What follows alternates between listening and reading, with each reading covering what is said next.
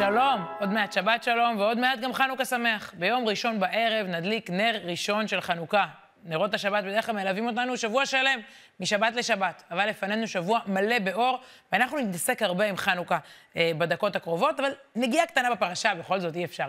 פרשת השבוע היא פרשת וישב, וישב יעקב. בואו נכיר אותה ככה מלמעלה. פרשת וישב היא הפרשה התשיעית בספר בראשית, החומש ממשיך, העלילות ממשיכות, אברהם, יצחק, יעקב. אין בפרשה הזו שום מצוות מעשיות, מתוך תרי"ג המצוות, אפס מצוות בפרשת וישב, אבל הרבה סיפורים מכוננים. פרשת וישב מתחילה את כל הסיפור המפורסם של יוסף ואחיו, ובעצם זה הולך לגרום לירידת עם ישראל למצרים, וזה יימשך וילווה אותנו עד סוף ספר בראשית. הפלונטר הזה בין האחים ייפתר רק בסוף ספר בראשית, ולכן אנחנו בשבועות הקרובים נלווה בהחלט את סיפור יוסף ואחיו. לא השבוע, ברשותכם, בואו נתמקד בחנוכה. משהו שהוא כאילו נורא עתיק, נורא ישן, או נורא קשור לילדים. נכון, רק ילדים בגן ככה, אז אה, יש משפחות שעוד מדליקות חנוכיה, אבל מה זה אומר לאדם המודרני אה, בימינו? אני רוצה להתמקד רגע בשמונת ימי האור שלפנינו, עם פרשנים מכל הדורות, לנסות לראות מה אומרים לנו הנרות היום, למה החג הזה כל כך חשוב דווקא היום, במיוחד היום. קודם כל, הדלקת הנרות היא, מה שנקרא, היא עסק גדול, היא עניין גדול, היא, היא דבר חשוב, זה אירוע פה. בחנוכה קורה דבר גדול מאוד. אנחנו מביאים בעצם, באמצע היום, בשבת מתנתקים. זה בעצם איזשהו, איזשהו הפרדה בין קודש לחול. אבל חנוכה זה תוך כדי ימי המעשה. אנחנו הולכים לעבודה ואנחנו נוהגים ואנחנו אה, חיים, אה, לכאורה חיים רגילים, אבל לא, באמצע היום, נרות חנוכה, קודש קודשים. הרב ירחמיאל יצחק ישראל דנציגר, הוא לא הותיר אחריו ילדים. אבל הוא הותיר, החסידות כולה הייתה חסידות שרובה נספתה בשואה, החסידות שלו, אבל הוא הותיר ספר נפלא. ספר שנקרא ישמח ישראל. בין היתר הוא כותב על החשיבות האדירה של המעשים הקטנים שלנו בכלל, ובפרט על המעשה הזה. הוא אומר, כל מעשה טוב הוא חיוני, כל מעשה טוב הוא קריטי, אבל המעשה הזה של הדלקת נרות זה לא סתם גפרור מדליק נר חנוכה ואנחנו אוכלים סופגניה. מאחורי הקלעים מתרחשים כאן דברים גדולים. אנחנו מדליקים מחדש את האור ההוא. של המנורה במקדש. בואו נקרא את הטקסט הזה. לפני שניגשים להדלקת נרות, אני חושבת שהוא יכול ממש להעיר לנו ככה את החנוכה, זווית קצת אחרת. כל איש פשוט ביותר, אה, הוא מדבר עלינו, אנשים פשוטים, אוקיי. כל איש פשוט ביותר, בגישתו אל הקודש, כן? אתה סתם עומד ליד החלון, בסלון, ליד הדלת, אתה ניגש, ניגש אל הקודש, להדליק נר חנוכה. הרי הוא עצמו נעשה ככהן גדול, וביתו נהפך כבית המקדש. ויתבונן בגישתו להדליק, להדליק את האש, הניגש להדליק את האש, שהוא לא מדליק כאן נרות שמן או שעווה בעלמא, אתה לא סתם לוקח איזה נר לי דקיק ו- ומדליק אותו, מה פתאום? הוא מעלה את האור של ששת ימי בראשית, אור קדוש וקדום, ויגש אל העבודה, זה ממש עבודה, באימה וביראה מצד אחד, אבל גם מתוך שמחה של מצווה. על מה? על זה שאיש פשוט כמותו זוכה לחולל עכשיו מהפכות גדולות בעולמות העליונים. וואו. מה שאנחנו עושים פה עכשיו, סתם, נו, הדלקתי נר, הילדה חזרה מהבית ספר והילד מהגן, ונעמדנו איזה שתי דקות, ומהו איזה צור ישועתי? אתה עושה מהפכה בעולמות העליונים. אור כזה גדול מגיע אלינו הביתה. האור של החשמונאים, האור של חנוכה, האור ש... מגיע אליי. זה לא איזה מנהג ילדותי ככה של אה, חנוכי יהיה לי יש, אה, דולקת באש, זה לא איזה פולקלור, זה גם חשוב מאוד שהילדים יעופו על החג הזה והם עפים עליו. זה מעניין שמכל הגאדג'טים, חנוכיה מדליקה אותם, אבל גם בלי ילדים. האירוע הוא קריטי, הוא חיוני, קורה פה משהו. עצם זה ש, שאנחנו מתכנסים, צריך לדעת שזה לא, לא סתם, זה לא על הדרך, זה הדבר. מה עושים אחרי שמדליקים את הנרות? לא משאירים אותם לבד, לא משאירים אותם עזובים. יש מנהג מאוד מאוד יפה, שמלמד אותנו בעצם להרפות. ואני מדברת פה בעיקר על וורקוהוליסטים כמוני. שבת זה שבת, אה, חול זה חול. אבל שוב, אנחנו מקבלים פה קצת שבת באמצע החול. בפרט אצל נשים, יש ממש מנהג, זה כתוב בספרים, לא לעשות מלאכה בזמן שאחרי הדלקת הנרות. הדלקנו את הנרות, רגע, איזה אי קטן של שבת, איזה חצי שעה של שבת. להפסיק רגע להתרוצץ.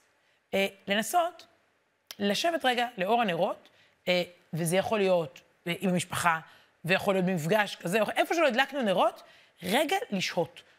העולם לא אה, אה, ייהרס וייפול ויפסיק להתקיים אם לרגע נפסיק לנהל אותו. רבי פנחס מקוריץ, גם מגדולי החסידות, אנחנו מביאים פה דמויות אה, מתנועת החסידות, הוא היה מראשוני החסידות, הוא תלמיד של הבעל שם טוב, שהיה מייסד החסידות. מה הוא אומר לנו? שימו לב למשפט היפה הבא. אור גנוז בא בשעת הדלקת נרות חנוכה. על כן יש לכל אדם להישאר אצל נרות שלו אחר הדלקה חצי שעה. יש פה איזשהו אור מיוחד, אל תפספס אותו. אל ת... הדלקת פה משהו, אל תלך, כן, אל תתרחק, אל, אל, אל תחמיץ, מה שנקרא.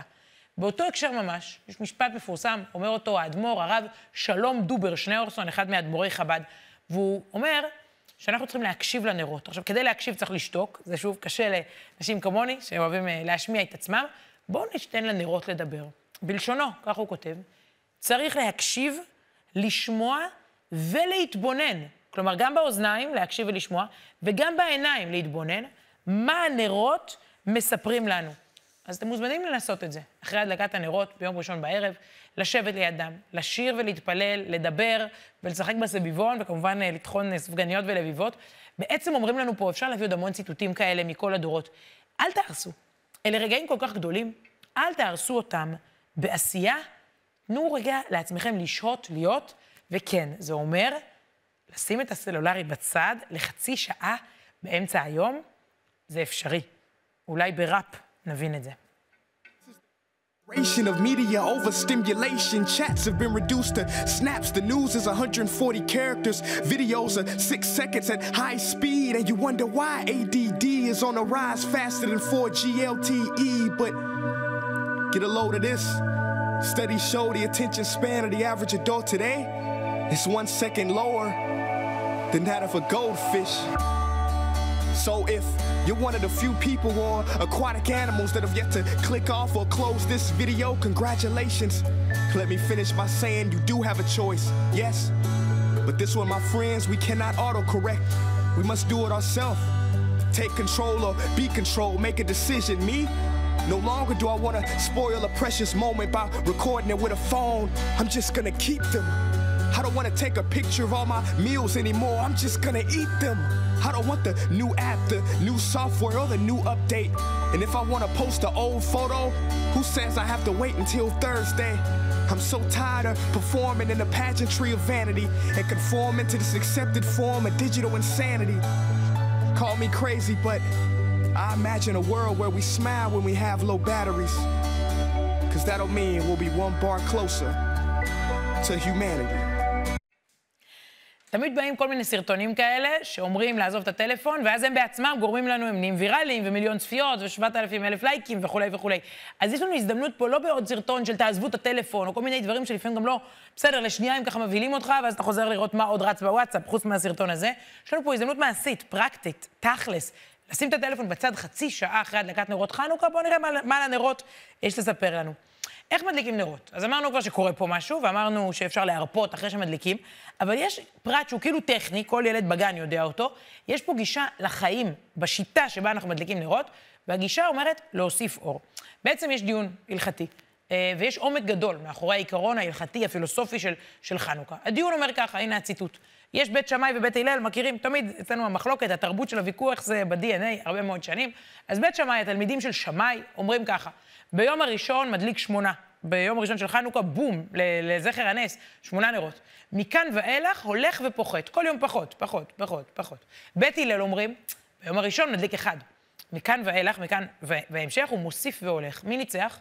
אז לא צריך להיות איזה תלמידי חכמים גדולים, מבחינה הלכתית, בית הלל ניצח. העיקרון שניצח הוא מוסיף והולך. זה לא עניין רק טכני, עוד נר ועוד נר ועוד נר.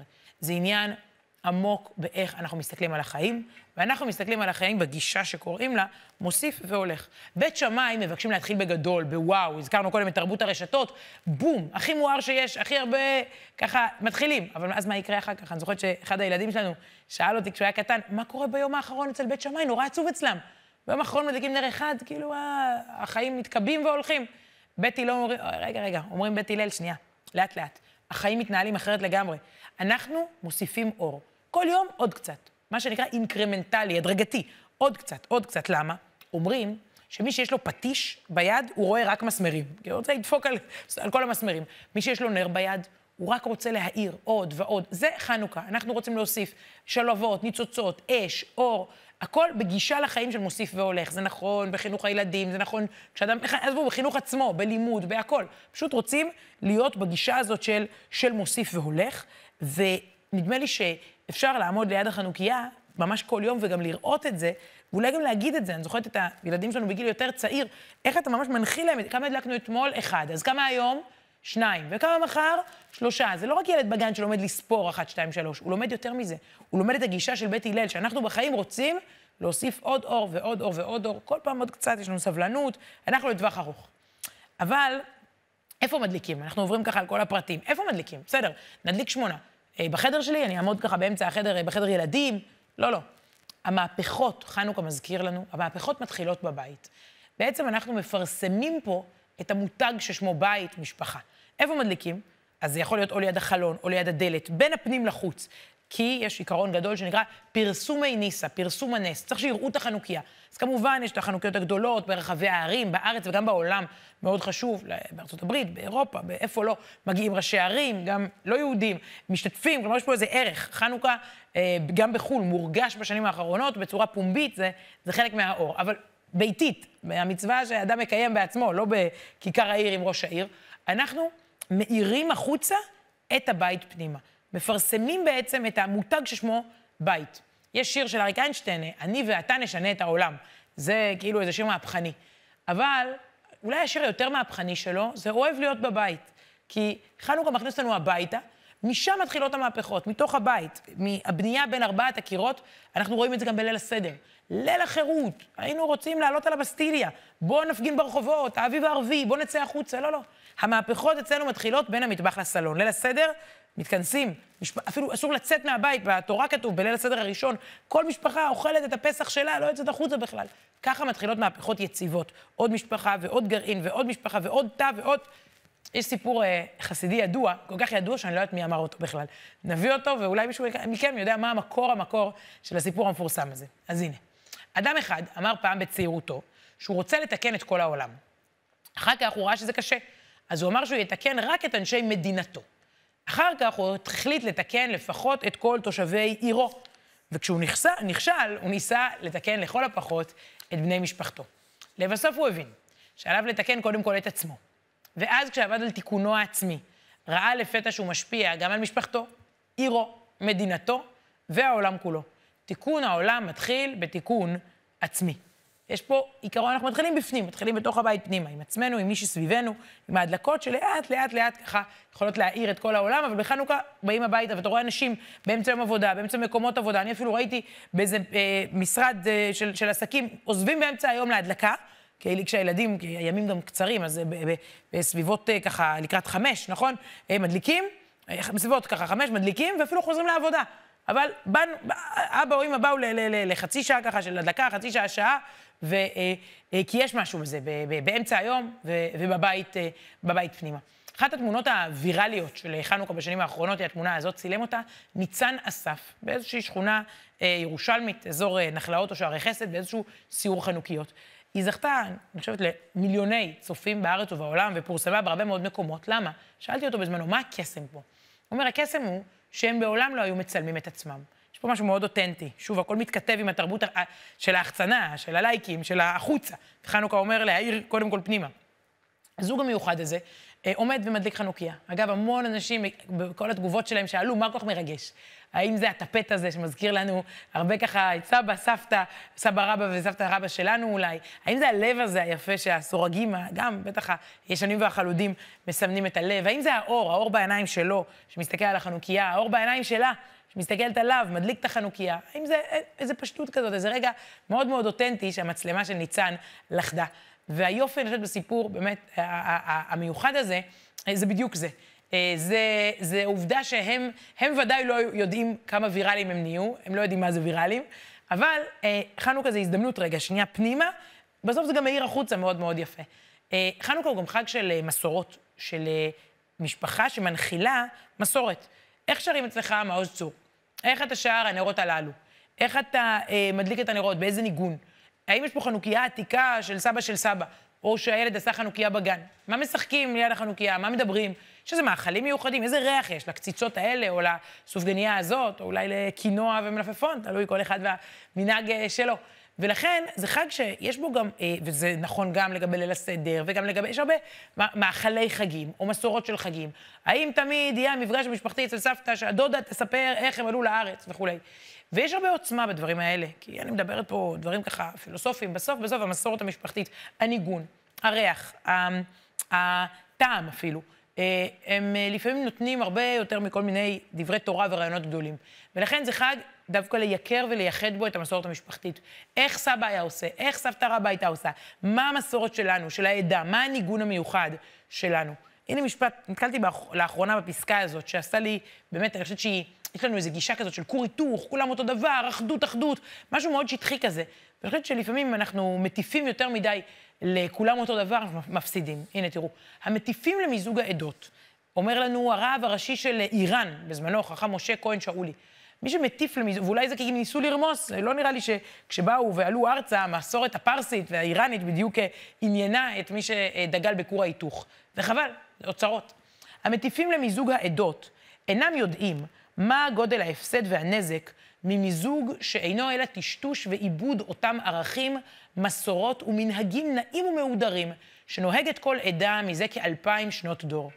אגרטל עם פרחים שונים, כן, זה היה משל של הרב שאולי, אגרטל עם פרחים שונים בשלל גוונים וריחות, עדיף ונאה מאגרטל חד גוני, אשר בו פרחים ממין אחד וצבע אחיד. זה הזמן שכל אגרטל, כל אחד ייקח ככה את הניגון שלו, את הצבע שלו, את הריח שלו, וינסה לשמר אותם וגם להעביר אותם לדורות הבאים. חנוכה זה הזמן. הנושא הבא הוא כאילו, מה הוא קשור לימינו? חנוכה זה חג הגבורה, נלחמו, מעטים מול רבים, קרבות. אה, זה נכון. יהיה מי שיגיד שגם בימינו צריך גבורה, ואני רוצה אה, לצטט פה באמת אה, אדם, אחד מגיבורי הדור שלנו, שלימד אותי הרבה על גבורה דווקא בימינו. קודם כל צריך להכיר ולדעת את ההיסטוריה של, אה, של חנוכה, ואנחנו נראה אולי לקראת הסוף ככה איזה סרטון שיעשה לנו סדר, אפילו היסטורי, מי נגד מי. לפעמים אין לנו את הידע הכי בסיסי, יודעים סופגניות, כן, אבל מה, מה קרה בחנוכה? אז uh, היו עימנו, עוד מעט נגיע גם לשם. אבל צריך לדעת את הידע ההיסטורי, ידע זה כוח, אבל uh, מי? מי היה אנטיוכוס? מה, מה קרה? באיזה שנים זה קרה? איפה זה קרה וכולי.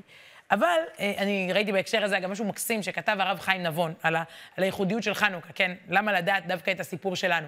אז הוא כתב ככה, שמעתי ברדיו, הוא אומר, פרסומת על חודש החגים בחיפה. בואו לחגוג את חנוכה, את חג המולד וגם חג מוסלמי. והוא אומר, תחשבו על אדם שאומר, איזה שבוע שמח יש לי. אני חוגג השבוע גם את יום הנישואים שלי, גם את יום הנישואים השניים של אשתי לשעבר, וגם את יום הנישואים של השכן מלמעלה. זה שהכביסה שלו מטפטפת למרפסת שלי. מה הייתם אומרים על אדם כזה? אדם הרי חוגג את חגיו שלו, כי הם שלו. יום הנישואים שלי הוא יום של שמחה וזיכרונות טובים ותקוות וחגיגה צנועה. ויום הנישואים של השכן, אוקיי, נחמד. מי שלש ומערבב את החגים שלו, וגם חגים זרים, לעיסה אחת גדולה, הוא לא חוגג בעצם כלום. מבחינתו הכל זה national geographic, והוא בסך הכל תייר. הוא לא אדם נדיב ופתוח ונאור, הוא פשוט אדיש. כך אומר לנו הרב חיים נבון, שוב בקריאה לייחד, לייקר, את, להכיר קודם כל את החג שלנו. ופה אני מגיעה לשרנסקי. זכיתי לראיין את נתן שרנסקי ואת אשתו אביטל. שמעתי מהם את הסיפור ההיסטורי, את סיפור הגבורה שלהם. מי שבמקרה לא מכיר, ואולי זה לא מספיק בתוך מערכת החינוך, זה פרק של, סוג של יציאת מצרים של דורנו. כמיליון יהודים מאחורי מסך הברזל, סיפורים באמת שחשבנו שהם היסטוריה, נאבקים על זהות ויהדות ועלייה ודמוקרטיה וחופש ביטוי ומה לא, ובסוף בסוף מסך הברזל, מי חשב שיש להם סיכוי למיעוט הזה? הם הרי היו אמורים להיעלם בתוך הקומוניזם, אבל הקומוניזם דווקא נעלם שם, והם עלו ופרחו וצמחו. שרנסקי וגם. אה, אשתו אביטל הם נהיו מין זוג, מין אה, סמל כזה לכל אותה יהדות הדממה. בזכות שנים של גבורה. שרנסקי כעשור בכלא, היא נלחמת בשבילו בחוץ, אשתו, הוא בפנים נלחם על השפיות, והיא מארגנת הפגנות, וכל העולם כולו בעצם עוקב אחרי אסיר ציון הזה, אחרי לוחם החירות הזה, והוא עד היום נושא איתו את אותם זיכרונות גבורה. הנה קטע קצר מתוך אה, ראיון איתו, על איך הוא לפעמים מתעורר בלילה וחושב שהוא עדיין בצינוק. עוד מעט נחבר את זה לגבורה של ימינו, אבל בואו קודם כל נשמע את הגיבור הזה. תשע שנים בבית סוהר היו שנים הכי אינטנסיביים, כי אתה מגויס כל רגע. אז אתה, כל רגע אתה צריך להיות מוכן להגיד, לחדש לא שלך לקג"ב, וכל רגע אתה מבין שיכולים לנסות אותך. לעיתים קרבות אני מתרש, אני ראיתי, כשישנתי, ראיתי בבית, בתוך בית סוהר, בצינוק. כן, זה חוזר בחלומות? כן, בסך הכל זה נותן לי הרגשה מאוד חיובית. זה כל הזמן מזכיר לך על הניצחון שלנו, על הכוח שלנו. וככה שאני חוזר מצינוק לחיי יום-יום, אז לא, זה, זה רק מחזק. אז בימינו חי בקרבנו, בדור שלנו, גיבור כזה, מהצינוק, מחקירות הקג"ב. הוא אומר לי שלהיות היום יהודי, פעיל ומחויב, זאת גבורה יותר גדולה. אני שמעתי אותו ואמרתי, אולי התבלבלתי, איך יכול להיות שאנחנו יותר גיבורים ממך? מישהו פה עבר פעם חקירת קג"ב, בילה איזה לילה בכלא הרוסי, ושרנסקי מתעקש שהיום לשמור על זהות אקטיבית ועל מחויבות זה גבורה יותר גדולה. כי העולם היום פתוח, הכל נגיש והכל אפשרי, ולא צריך בכלל לבחור, אפשר רק uh, לערבב. אין יותר איזה רשע שרודף אחריך. אנחנו כבר לא בחנוכה, אין חשמונאים uh, מול רומאים, אין יוונים רשעים, אין אנטיוכוס ואין פרעה ואין היטלר, או במקרה של שרנסקי, סטלין ולנין, ברוך השם, אין איזה רשע שרודף אחריי והוא מגדיר לי את הזהות. עכשיו אני צריך להגדיר לעצמי. אומר שרנסקי זו הגבורה הכי גדולה. בדור של דמוקרטיה, וזה בסדר, אנחנו רוצים דמוקרטיה, לא רוצים לא אנטיוכוס ולא קומוניזם, אבל בדור שהכל פתוח, להגיד אני מחויב, להגיד אני בוחר, גם בחו"ל אבל גם בארץ, להגיד שאתה מתחבר דווקא לזהות הזאת, זאת גבורה. בעצם להדליק חנוכיה היום, זה סוג של גבורה עתיקה מאוד, ובדור שלנו, הוא אומר, יותר מאשר בדורות קודמים. זה דור ראשון לפתיחות ולחופש, ולכן זה דור ראשון שצריך לבחור בזה בשמחה, וזאת הגבורה האמיתית. זה לא אני אומרת, מי אני? זה בן אדם שישב בכלא הרוסי ואומר לכם, אתם יותר גיבורים ממני במובן מסוים. נסכם רגע את ההיבטים של חנוכה שדיברנו עליהם, שאני חושבת שקשורים מאוד לחיים שלנו. נזכיר, זה מתחיל מיד אחרי שבת, יום ראשון בערב. דיברנו על ההדלקה כאירוע חשוב שעושה פה מהפכה בעולם. דיברנו על הניסיון להתנתק אחרי ההדלקה. אני, אם אני מצליחה, אני ממליצה גם לכם לנסות, לשים את הטלפון בצד, מקווה להצליח גם השנה. דיברנו על הגישה שלנו לחיים, להוסיף אור, ללכת כל הזמן קדימה. דיברנו על כך שמהפכות מתחילות בתוך הבית, בתוך המשפחה. דיברנו על גבורה בימינו, ושמענו מהגיבור שרנסקי, שגם אנחנו, בעולם הפתוח הזה, אם אנחנו בוחרים זהות, גם זאת גבורה. לסיום, נועם יעקובסון, גיל גוטגולד ואנשי אה, רוגטקה מזכירים לנו מה בכלל קרה בחנוכה, מה אנחנו הולכים לחגוג שמונה ימים החל מיום ראשון. אז למה אנחנו בעצם חוגגים את חנוכה? בואו ניזכר רגע בסיפור. הכל התחיל עם הכיבוש, היווני. לפני בערך 2,300 שנה השתלט אלכסנדר מוקדון על רוב העולם. ובהמשך השתלטה גם התרבות. ארכיטקטורה, ספורט, הקומדיה, טרגדיה, פילוסופיה. בארץ ישראל הסיפור לא עבד כל כך חלק. גרעין החוש של יהודים בהובלת בית חשמונאי סירב לזנוח את המסורת. בשלב מסוים המלך אנטיוכוס חטף עליהם את הג'ננה ועבר לכוח, מה שלא ממש קידם אותו. בתום סדרת קרבות שהתחוללו בבית חורון, במעלה לבונה, בבעל חצור, בקיצור, ביהודה ושומרון, ניצחו היהודים המעטים את היוונים הרבים. כאשר הם הגיעו לטהר את המקדש, שחולל בידי היוונים, הם מצאו רק כד אחד קטן עם שמן טהור, שבנס הספיק להדלקת המנורה במשך שמונה ימים. אבל רגע, מה כל כך הפריע ליוונים במסורת היהודית? ההסבר הוא שמתחת לפני השטח, בבסיס המאבק הגלוי, התרחש מאבק איתנים בין שתי תפיסות עולם שטענו לעליונות החוכמה שלהם, חוכמת ישראל מול הפילוסופיה היוונית. הפילוסופים היוונים ראו את העולם כמקום חומרי לחלוטין, המנותק מהאל. בשיא עמד השכל האנושי, שאפשר לאדם לשלוט בטבע, ובמקרים נדירים אף להתחבר להבנות שכליות מקיפות יותר, במידה והיו לו הכישורים כמובן. השכל האנושי גם הגדיר את המוסר. כך קרה שגם פילוסוף גאון כאריסטו הגיע למסקנה רציונלית שיש להרוג תינוקות בעלי מום. בעוד שלעם היהודי לא היו יומרות בתחום הספורט, הרי שאת הרציונליזם הם דווקא אימצו ושכללו. הטענה היהודית שאותה לא יכלו היוונים לקבל, היא שמעל השכל האנושי קיים גם מימד רוחני, פנימי, של קודש, שבכוחו לתקן ולהאיר את העולם. מטרת היוונים בחילול השמנים בבית המקדש הייתה להוכיח את עליונות השכל האנושי על הקודש.